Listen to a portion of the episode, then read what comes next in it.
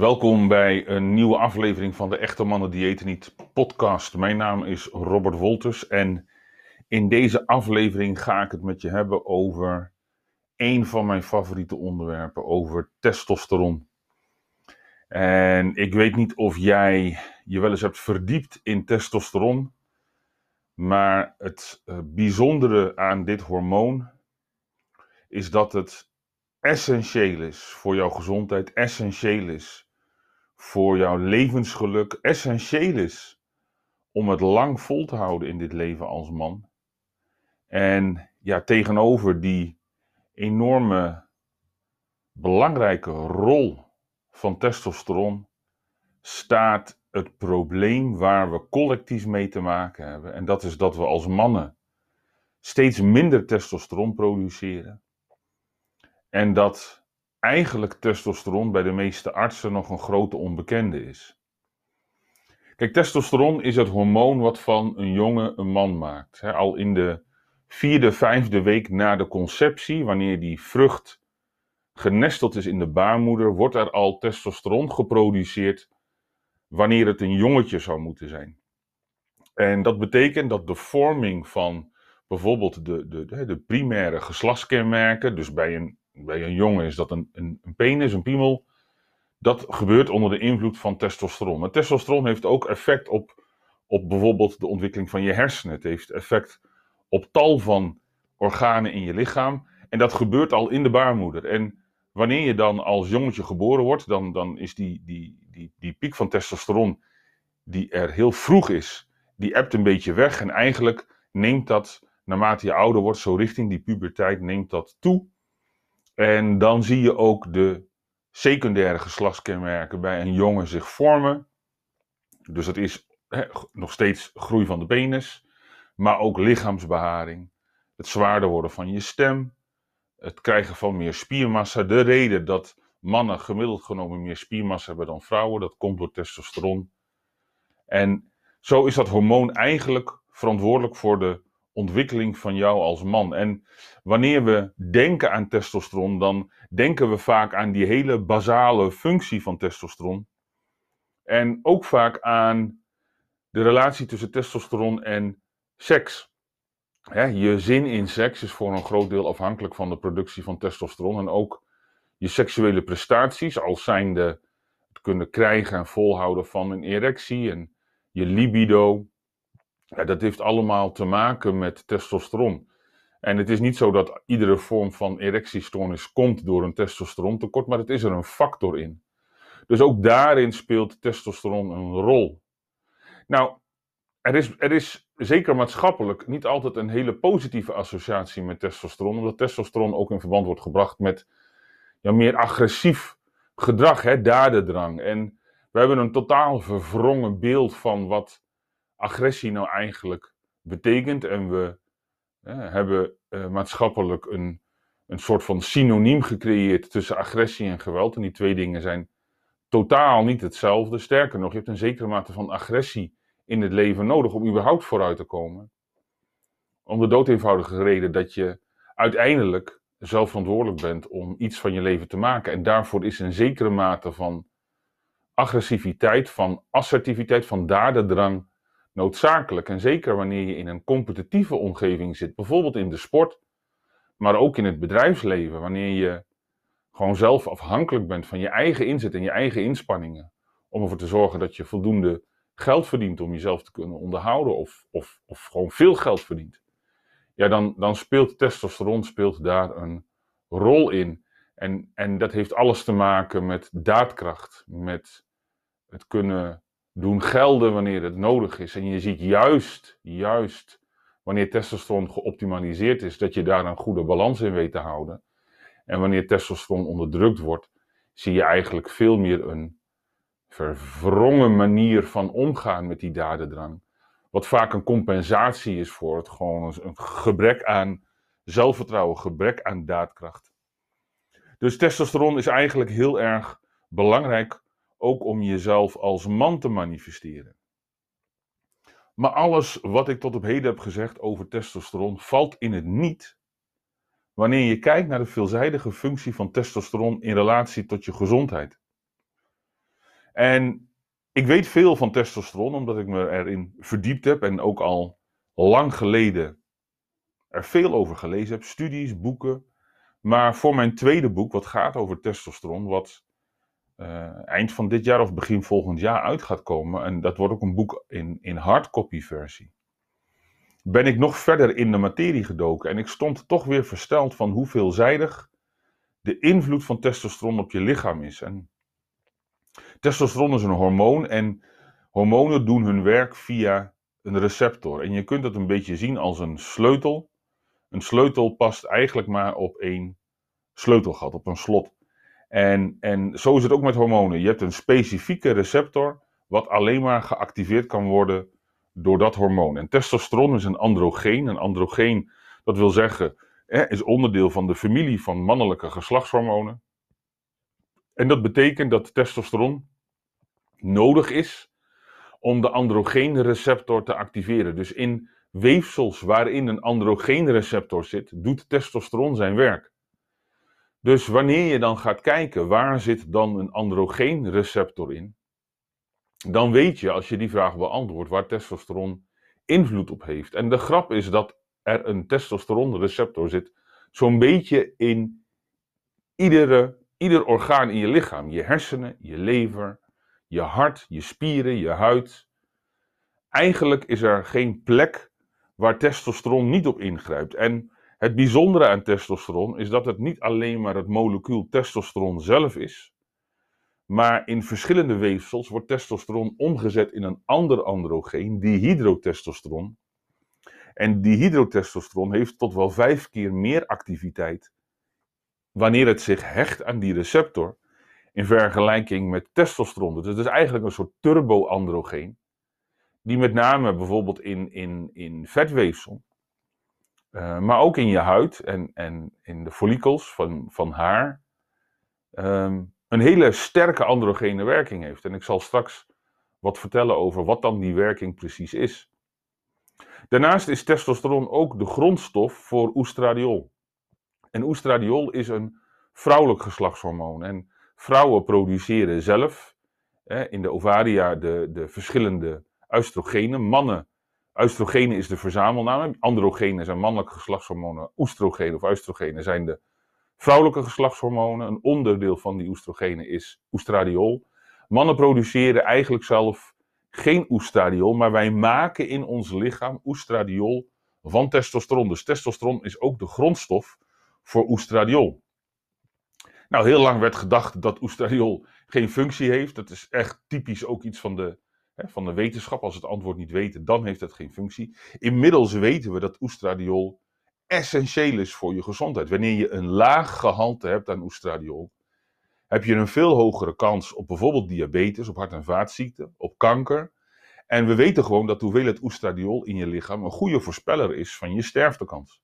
Dus het optimaal houden van je testosteronspiegel is niet alleen belangrijk omdat je lichaam testosteron nodig heeft, het is ook belangrijk omdat je lichaam oestradiol nodig heeft. En met name je vetstofwisseling, de opbouw van spiermassa, maar ook je gevoel van geluk, um, um, het goed kunnen reguleren van je bloedsuikerspiegel. Dus allemaal dingen waar oestradiol voor nodig is. En ja, nogmaals, je hebt alleen maar voldoende oestradiol in je lichaam wanneer je ook voldoende testosteron in je lichaam hebt.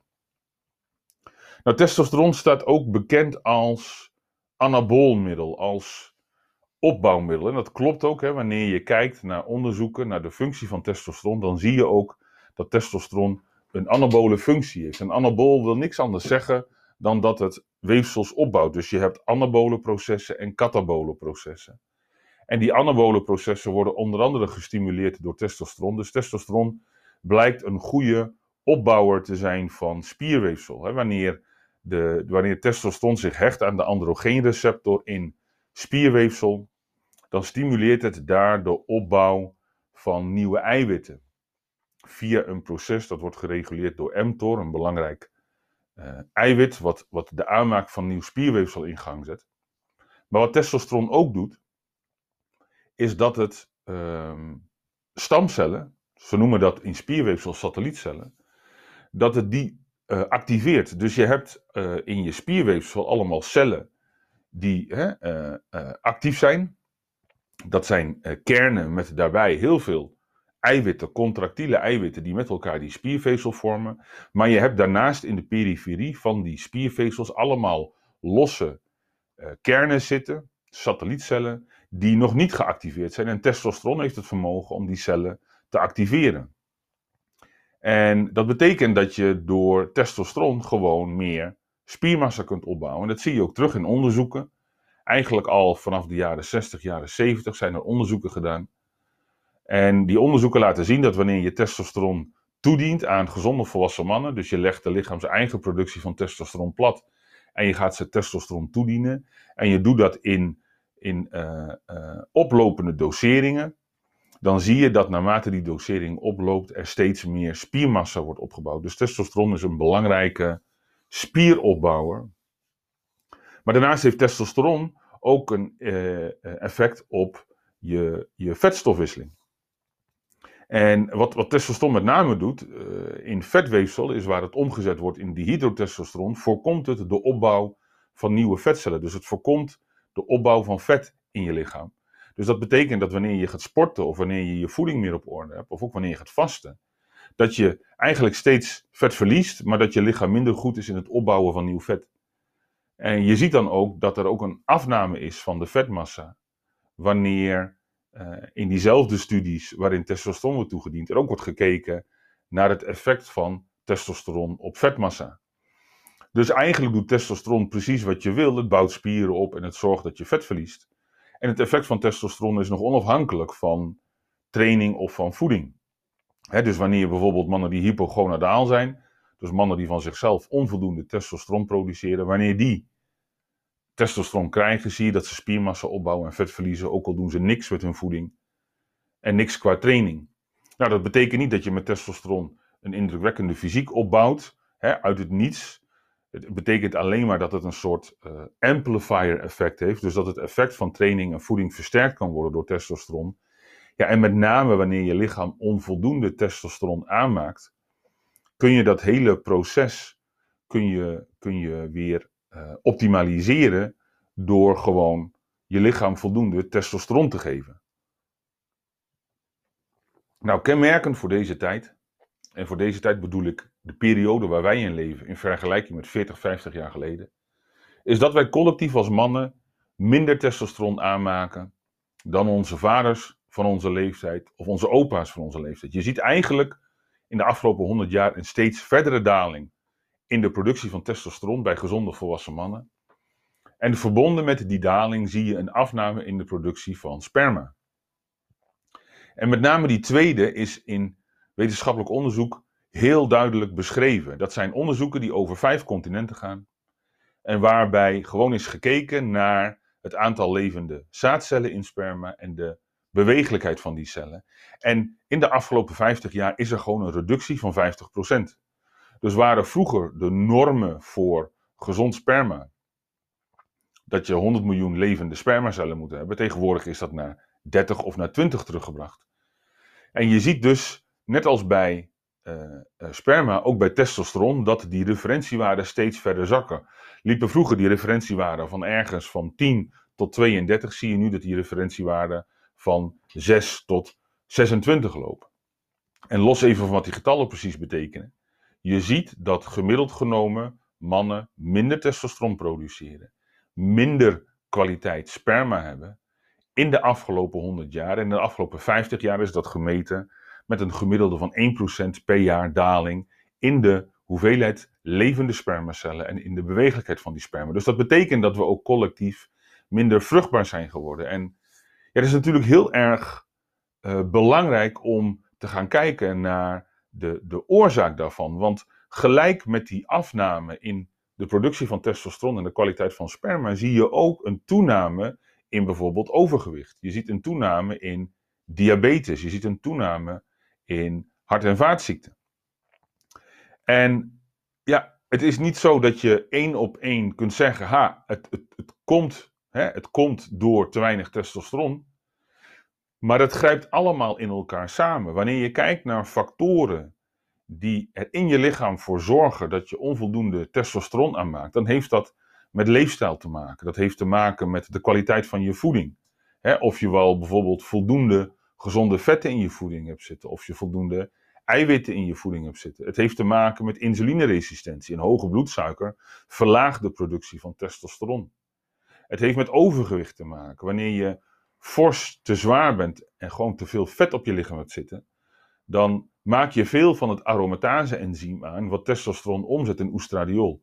Een beetje oestradiol is goed voor je lichaam, te veel oestradiol is slecht voor je gezondheid, maar nog belangrijker is dat die oestradiol een remmend effect heeft op de productie van testosteron. Wanneer je onvoldoende slaapt, en dan gaat het niet alleen maar over de lengte van je slaap, hè, dus over het aantal uren, maar ook de diepte van je slaap, bijvoorbeeld omdat je te veel stress hebt, of omdat je te lang naar een beeldscherm zit te kijken, of dat je te veel kunstlicht hebt s'avonds, waardoor de productie van melatonine niet optimaal is, dan heeft dat een remmend effect op de productie van testosteron. Diëten, calorierestrictie, heeft een remmend effect op de productie van testosteron. Wanneer je te veel meervoudig onverzadigde vetzuren eet, dus dat zijn de vetten in, in zonnebloemolie, slaolie, sojaolie, margarine, halverine, dan drukt dat de productie van testosteron in vergelijking met meer verzadigd vet en enkelvoudig onverzadigd vet. Dus bijvoorbeeld het eten van kokosolie, roomboter, het eten van vet uit vlees en uh, uh, olijven en olijfolie. Dus er zijn heel veel factoren die van invloed zijn op de productie van testosteron, die vallen onder leefstijl. En als je dus ja, leeft in een generatie die eigenlijk het spoor een beetje bijster is met betrekking tot wat gezond is voor je lichaam. Als je uh, overgewicht hebt, als je veel last hebt van, van stress en, en uh, je slaap is niet goed, dan heeft dat een drukkend effect op testosteron. Wat testosteron ook drukt, is uh, medicatie. Een van de meest bekende is, zijn statines. Statines die remmen de productie van cholesterol in je lever. Uh, maar cholesterol is de grondstof voor testosteron. Testosteron wordt gemaakt in je lichaam uit cholesterol. Cholesterol is een essentiële stof voor je lichaam. Dus je ziet een duidelijke relatie tussen het gebruik van statines en een verminderde productie van testosteron in het lichaam. Hetzelfde geldt voor bijvoorbeeld het gebruik van bloeddrukverlagende medicijnen. Dat kan ook een remmend effect hebben op de productie van testosteron. En er zijn heel veel mannen die, omdat ze hartklachten hebben of hoge bloeddruk hebben, zowel bloeddrukverlagende medicijnen gebruiken als uh, statines. Ja, en je ziet dan ook uit bloedonderzoek dat de hoeveelheid testosteron bij heel veel mannen gewoon suboptimaal is. Nou, er zijn een aantal onderzoeken die hebben gekeken naar wat de normaalwaarden zijn voor mannen per leeftijdscategorie. En je snapt dat als je in 2021 gaat meten bij mannen wat hun testosteron is, dat je daar een bepaalde waarde uit gaat krijgen, waarin al verwerkt is het feit dat we collectief minder testosteron aanmaken. Dus het is bij, van, bij dat soort onderzoek ook goed om terug te grijpen op wat we 20 of 30 of 40 jaar geleden als normaalwaarde zagen. En ja, daarnaast zijn er uh, uh, onderzoeken en, en endocrinologen die je heel goed kunnen vertellen wat een optimale waarde is voor je lichaam. En je ziet eigenlijk dat als je kijkt naar testosteron, dat wordt gemeten in nanomol per liter. Zo meten we het in Nederland. Je kunt het op verschillende manieren meten, maar het wordt in het bloed gemeten. En meestal uitgedrukt in nanomol per liter. Dat gezonde mannen tussen ongeveer 20 en 65 uh, in, in die leeftijdscategorie, waarin je eigenlijk nog min of meer goed gezond zou moeten zijn, die zouden een waarde moeten hebben van ergens tussen de 20 en 24. En testosteron wordt geproduceerd in de leidigcellen in je testikels. Dus die, die cellen zijn vernoemd naar degene die ze ontdekt heeft, leidig. En uh, die cellen, je hebt, je hebt daar een optimale hoeveelheid van. Hou me het precieze aantal ten goede op je achttiende. En ieder jaar sterven er gewoon een paar miljoen van die cellen, die komen niet meer terug. Dus je ziet bij mannen een leeftijdsgebonden afname in de productie van testosteron. En op zich is dat normaal. Maar dan nog zou je als man eigenlijk zo tussen die 20 en 24 nanomol per liter moeten zitten. Tot pak een beetje een jaar of 60, 65. En daarna zie je het afnemen. Maar ook dan zie je altijd nog, ook bij gezonde volwassen mannen, een waarde van ergens zo tussen de, laten we zeggen, 19 aflopend tot een waarde van 16. Dat zijn normale waarden voor gezonde volwassen mannen. Nou, ik test bij heel veel mannen testosteron. We testen heel veel, 30 verschillende bloedwaarden. En ik heb in de afgelopen, laat ik zeggen, 7, 8 maanden één iemand getest boven de 20. En de rest zit er ver onder. 16 is eigenlijk het hoogste. Ik zie heel veel 12, 13 en in sommige gevallen nog lager. En wat je ziet is dat al die mannen kampen met overgewicht. Al die mannen kampen met het probleem dat die laatste pak een beet 10 kilo vet, net dat stukje op de buik, rond de borst, wat dat lichaam, laat maar zeggen, dat, dat fitte uiterlijk moet geven, dat raken ze niet kwijt, ook al doen ze alles goed. En je ziet ook dat bij die mannen er een bepaald, wat zal ik zeggen, een bepaald patroon ontstaat in de manier waarop ze denken en de manier waarop ze naar het leven kijken. En dat is nog wel een van de belangrijkste dingen als je kijkt naar testosteron.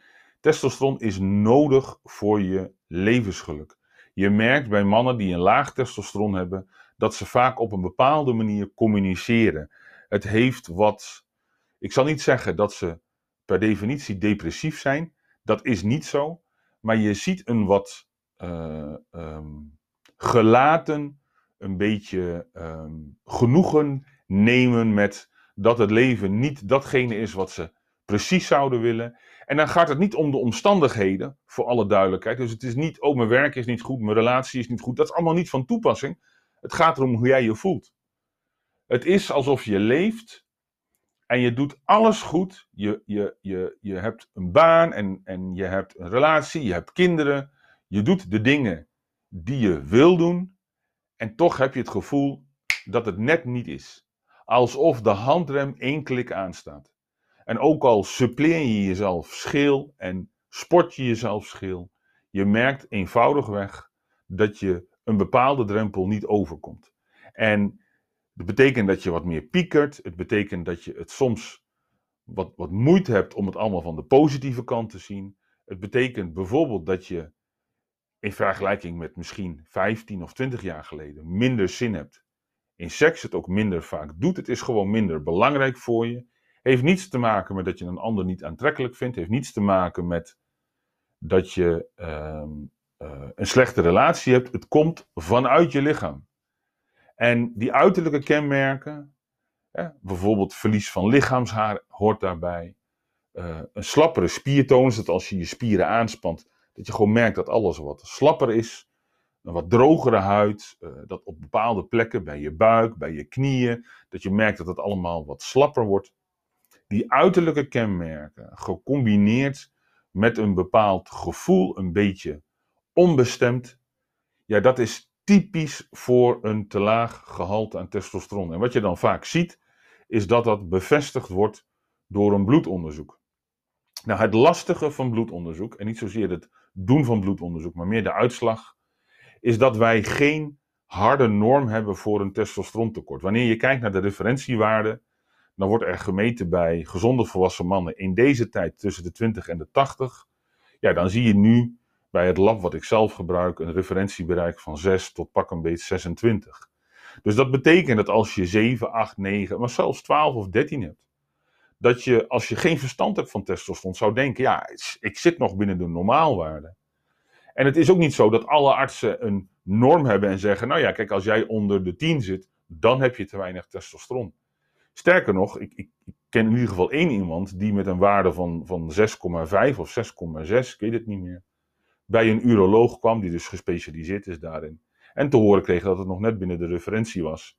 En dat er dus niets aan de hand was. Daar kon het niet aan liggen.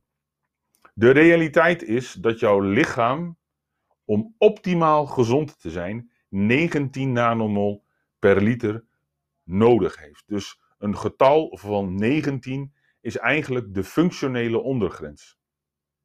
Wanneer je onder de 15 komt, zul je gaan merken aan specifieke kenmerken die met verlies van kracht, verlies van spiermassa, minder zin in seks, minder frequente erecties, zul je merken dat je te weinig testosteron hebt. En eigenlijk kun je zeggen dat die klachten zich verhevigen zodra je onder de 15 zakt. En recent onderzoek laat zien dat in dat bereik van 10 tot 13 eigenlijk de grootste groep zit met klachten. Kom je onder de 10 nanomol, dan ben je gewoon hypogonadaal. dus een waarde van 9, 8 of 7 of 6, dan ben je hypogonadaal. En hypogonadaal wil niks anders zeggen dan dat jij een klinisch tekort hebt aan testosteron. Iets wat je met leefstijl zeer, zeer waarschijnlijk niet meer goed kunt krijgen en je gewoon zult moeten suppleren. er is een, een, een, een internationale club van endocrinologen, de Endocrine Society. Die hebben daar enorm veel over gepubliceerd en die hanteren ook een norm van 10,7 nanomol. Wat natuurlijk ook weer zo'n arbitrair getal is, want 10,8 is dan blijkbaar te veel. Maar dat is in ieder geval iets. Kom je daaronder, heb je een tekort, zul je moeten suppleren. Nou, wat het lastige is, is dat wanneer je daarboven zit, dat je nog steeds last kunt hebben van de kenmerken van te weinig testosteron. Maar dat het getal waarschijnlijk geen aanleiding is voor een arts om tegen jou te zeggen: Nou, het komt door testosteron. Daarom is het zo belangrijk dat je jezelf gaat informeren over wat testosteron in je lichaam doet en wat de kenmerken zijn van onvoldoende testosteron. En dat je ook gaat leren hoe je door middel van leefstijl ervoor kunt zorgen dat je lichaam meer testosteron gaat produceren. Hoe je ervoor kunt zorgen dat je uiteindelijk weer in dat gezonde bereik komt. Want het is een wisselwerking. Een ongezonde leefstijl verlaagt je testosteron, maar een te laag testosteron ondermijnt je gezondheid. We weten dat bijvoorbeeld bij mannen die prostaatkanker hebben. Wanneer je prostaatkanker hebt, dan is het belangrijk dat de hoeveelheid testosteron in je lichaam verlaagd wordt, want die testosteron heeft een stimulerend effect op de groei van die kanker. Dat betekent niet dat testosteron kanker veroorzaakt. Daarvan weten we inmiddels dat dat niet zo is. Maar wanneer je die kanker hebt, en dat komt eigenlijk door insulineresistentie, maar dat is voer voor een andere podcast. Wanneer je die kanker hebt, is een van de onderdelen vaak een reductie van de hoeveelheid testosteron. Dan zie je dus dat er bewust met medicatie testosteron naar die hypogonadale range wordt gebracht. Vervolgens zie je binnen twee weken dat mensen insulineresistent worden, dat ze uh, vetter worden, dat ze een grotere kans hebben op diabetes en dat ook dat mannen die testosteron uh, reductie krijgen, dat ze een grotere kans hebben op de ontwikkeling van hart- en vaatziekten. Dus te weinig testosteron maakt je ziek, maar aan de andere kant zorgt een ongezonde leefstijl ook voor een reductie van testosteron. Dus testosteron bij uitstek is een leefstijlhormoon. Wanneer je leefstijl goed is, wanneer je een gezond gewicht hebt, wanneer je geen buikvet hebt, wanneer je je bloedsuikerspiegel goed kunt controleren, doe je een heleboel dingen goed om je lichaam te helpen optimaal testosteron te produceren. Er zijn nog een aantal micronutriënten die je lichaam daarvoor nodig heeft. Maar wanneer je ongezond leeft, reduceert dat testosteron. En die lage testosteron, die zorgt er ook weer voor dat je steeds ongezonder wordt. Dus ergens zul je dat momentum moeten omdraaien. En zul je aan het werk moeten met je leefstijl. Of je zult ervoor moeten kiezen als je echt laag zit. Dat je testosteron gaat suppleren, zodat je het lichaam weer in een optimale staat brengt. En dan zul je merken dat bijvoorbeeld afvallen uh, veel makkelijker gaat. En dat ook uiteindelijk je lichaam die gezonde balans terug kunt vinden. Dus testosteron is eigenlijk een van de belangrijkste hormonen in het lichaam van een man. En het is meteen ook een van de minst begrepen hormonen. Hetgeen aanleiding voor mij is geweest om daar een boek over te schrijven. Ik ben er volop mee bezig. En ja, zoals ik zei, eind van 2021, begin 2022 komt dat uit. Wat kun jij doen? Het allerbeste wat je kunt doen. Op het moment dat je dingen herkent in deze podcast, is gewoon een bloedonderzoek te doen. En ik raad je dat aan om dat via mijn website te doen: www.emdn.nl bloedonderzoek. Dan meet je alles. Ga je naar de huisarts, in de regel meet je een paar dingen. En gaat de huisarts tegen jou zeggen dat het goed of niet goed is. Doe je dat via echte mannen diëten niet, krijg je de uitslag zelf. En als je wil dat ik er naar kijk en jou vertel wat al jouw waarden betekenen in de onderlinge samenhang, kun je een consult met me boeken. Kost je 65 euro. En dan neem ik dat hele onderzoek met je door. En dan geef ik je een aantal uh, duidelijke adviezen om de boel te verbeteren. Alright, dat was het. Ik hoop dat je er wat aan hebt gehad. Is dat zo? Stuur deze podcast dan door naar een ander. Hoe meer mensen hun voordeel kunnen doen, hoe beter. Dankjewel voor het luisteren en tot een volgende keer.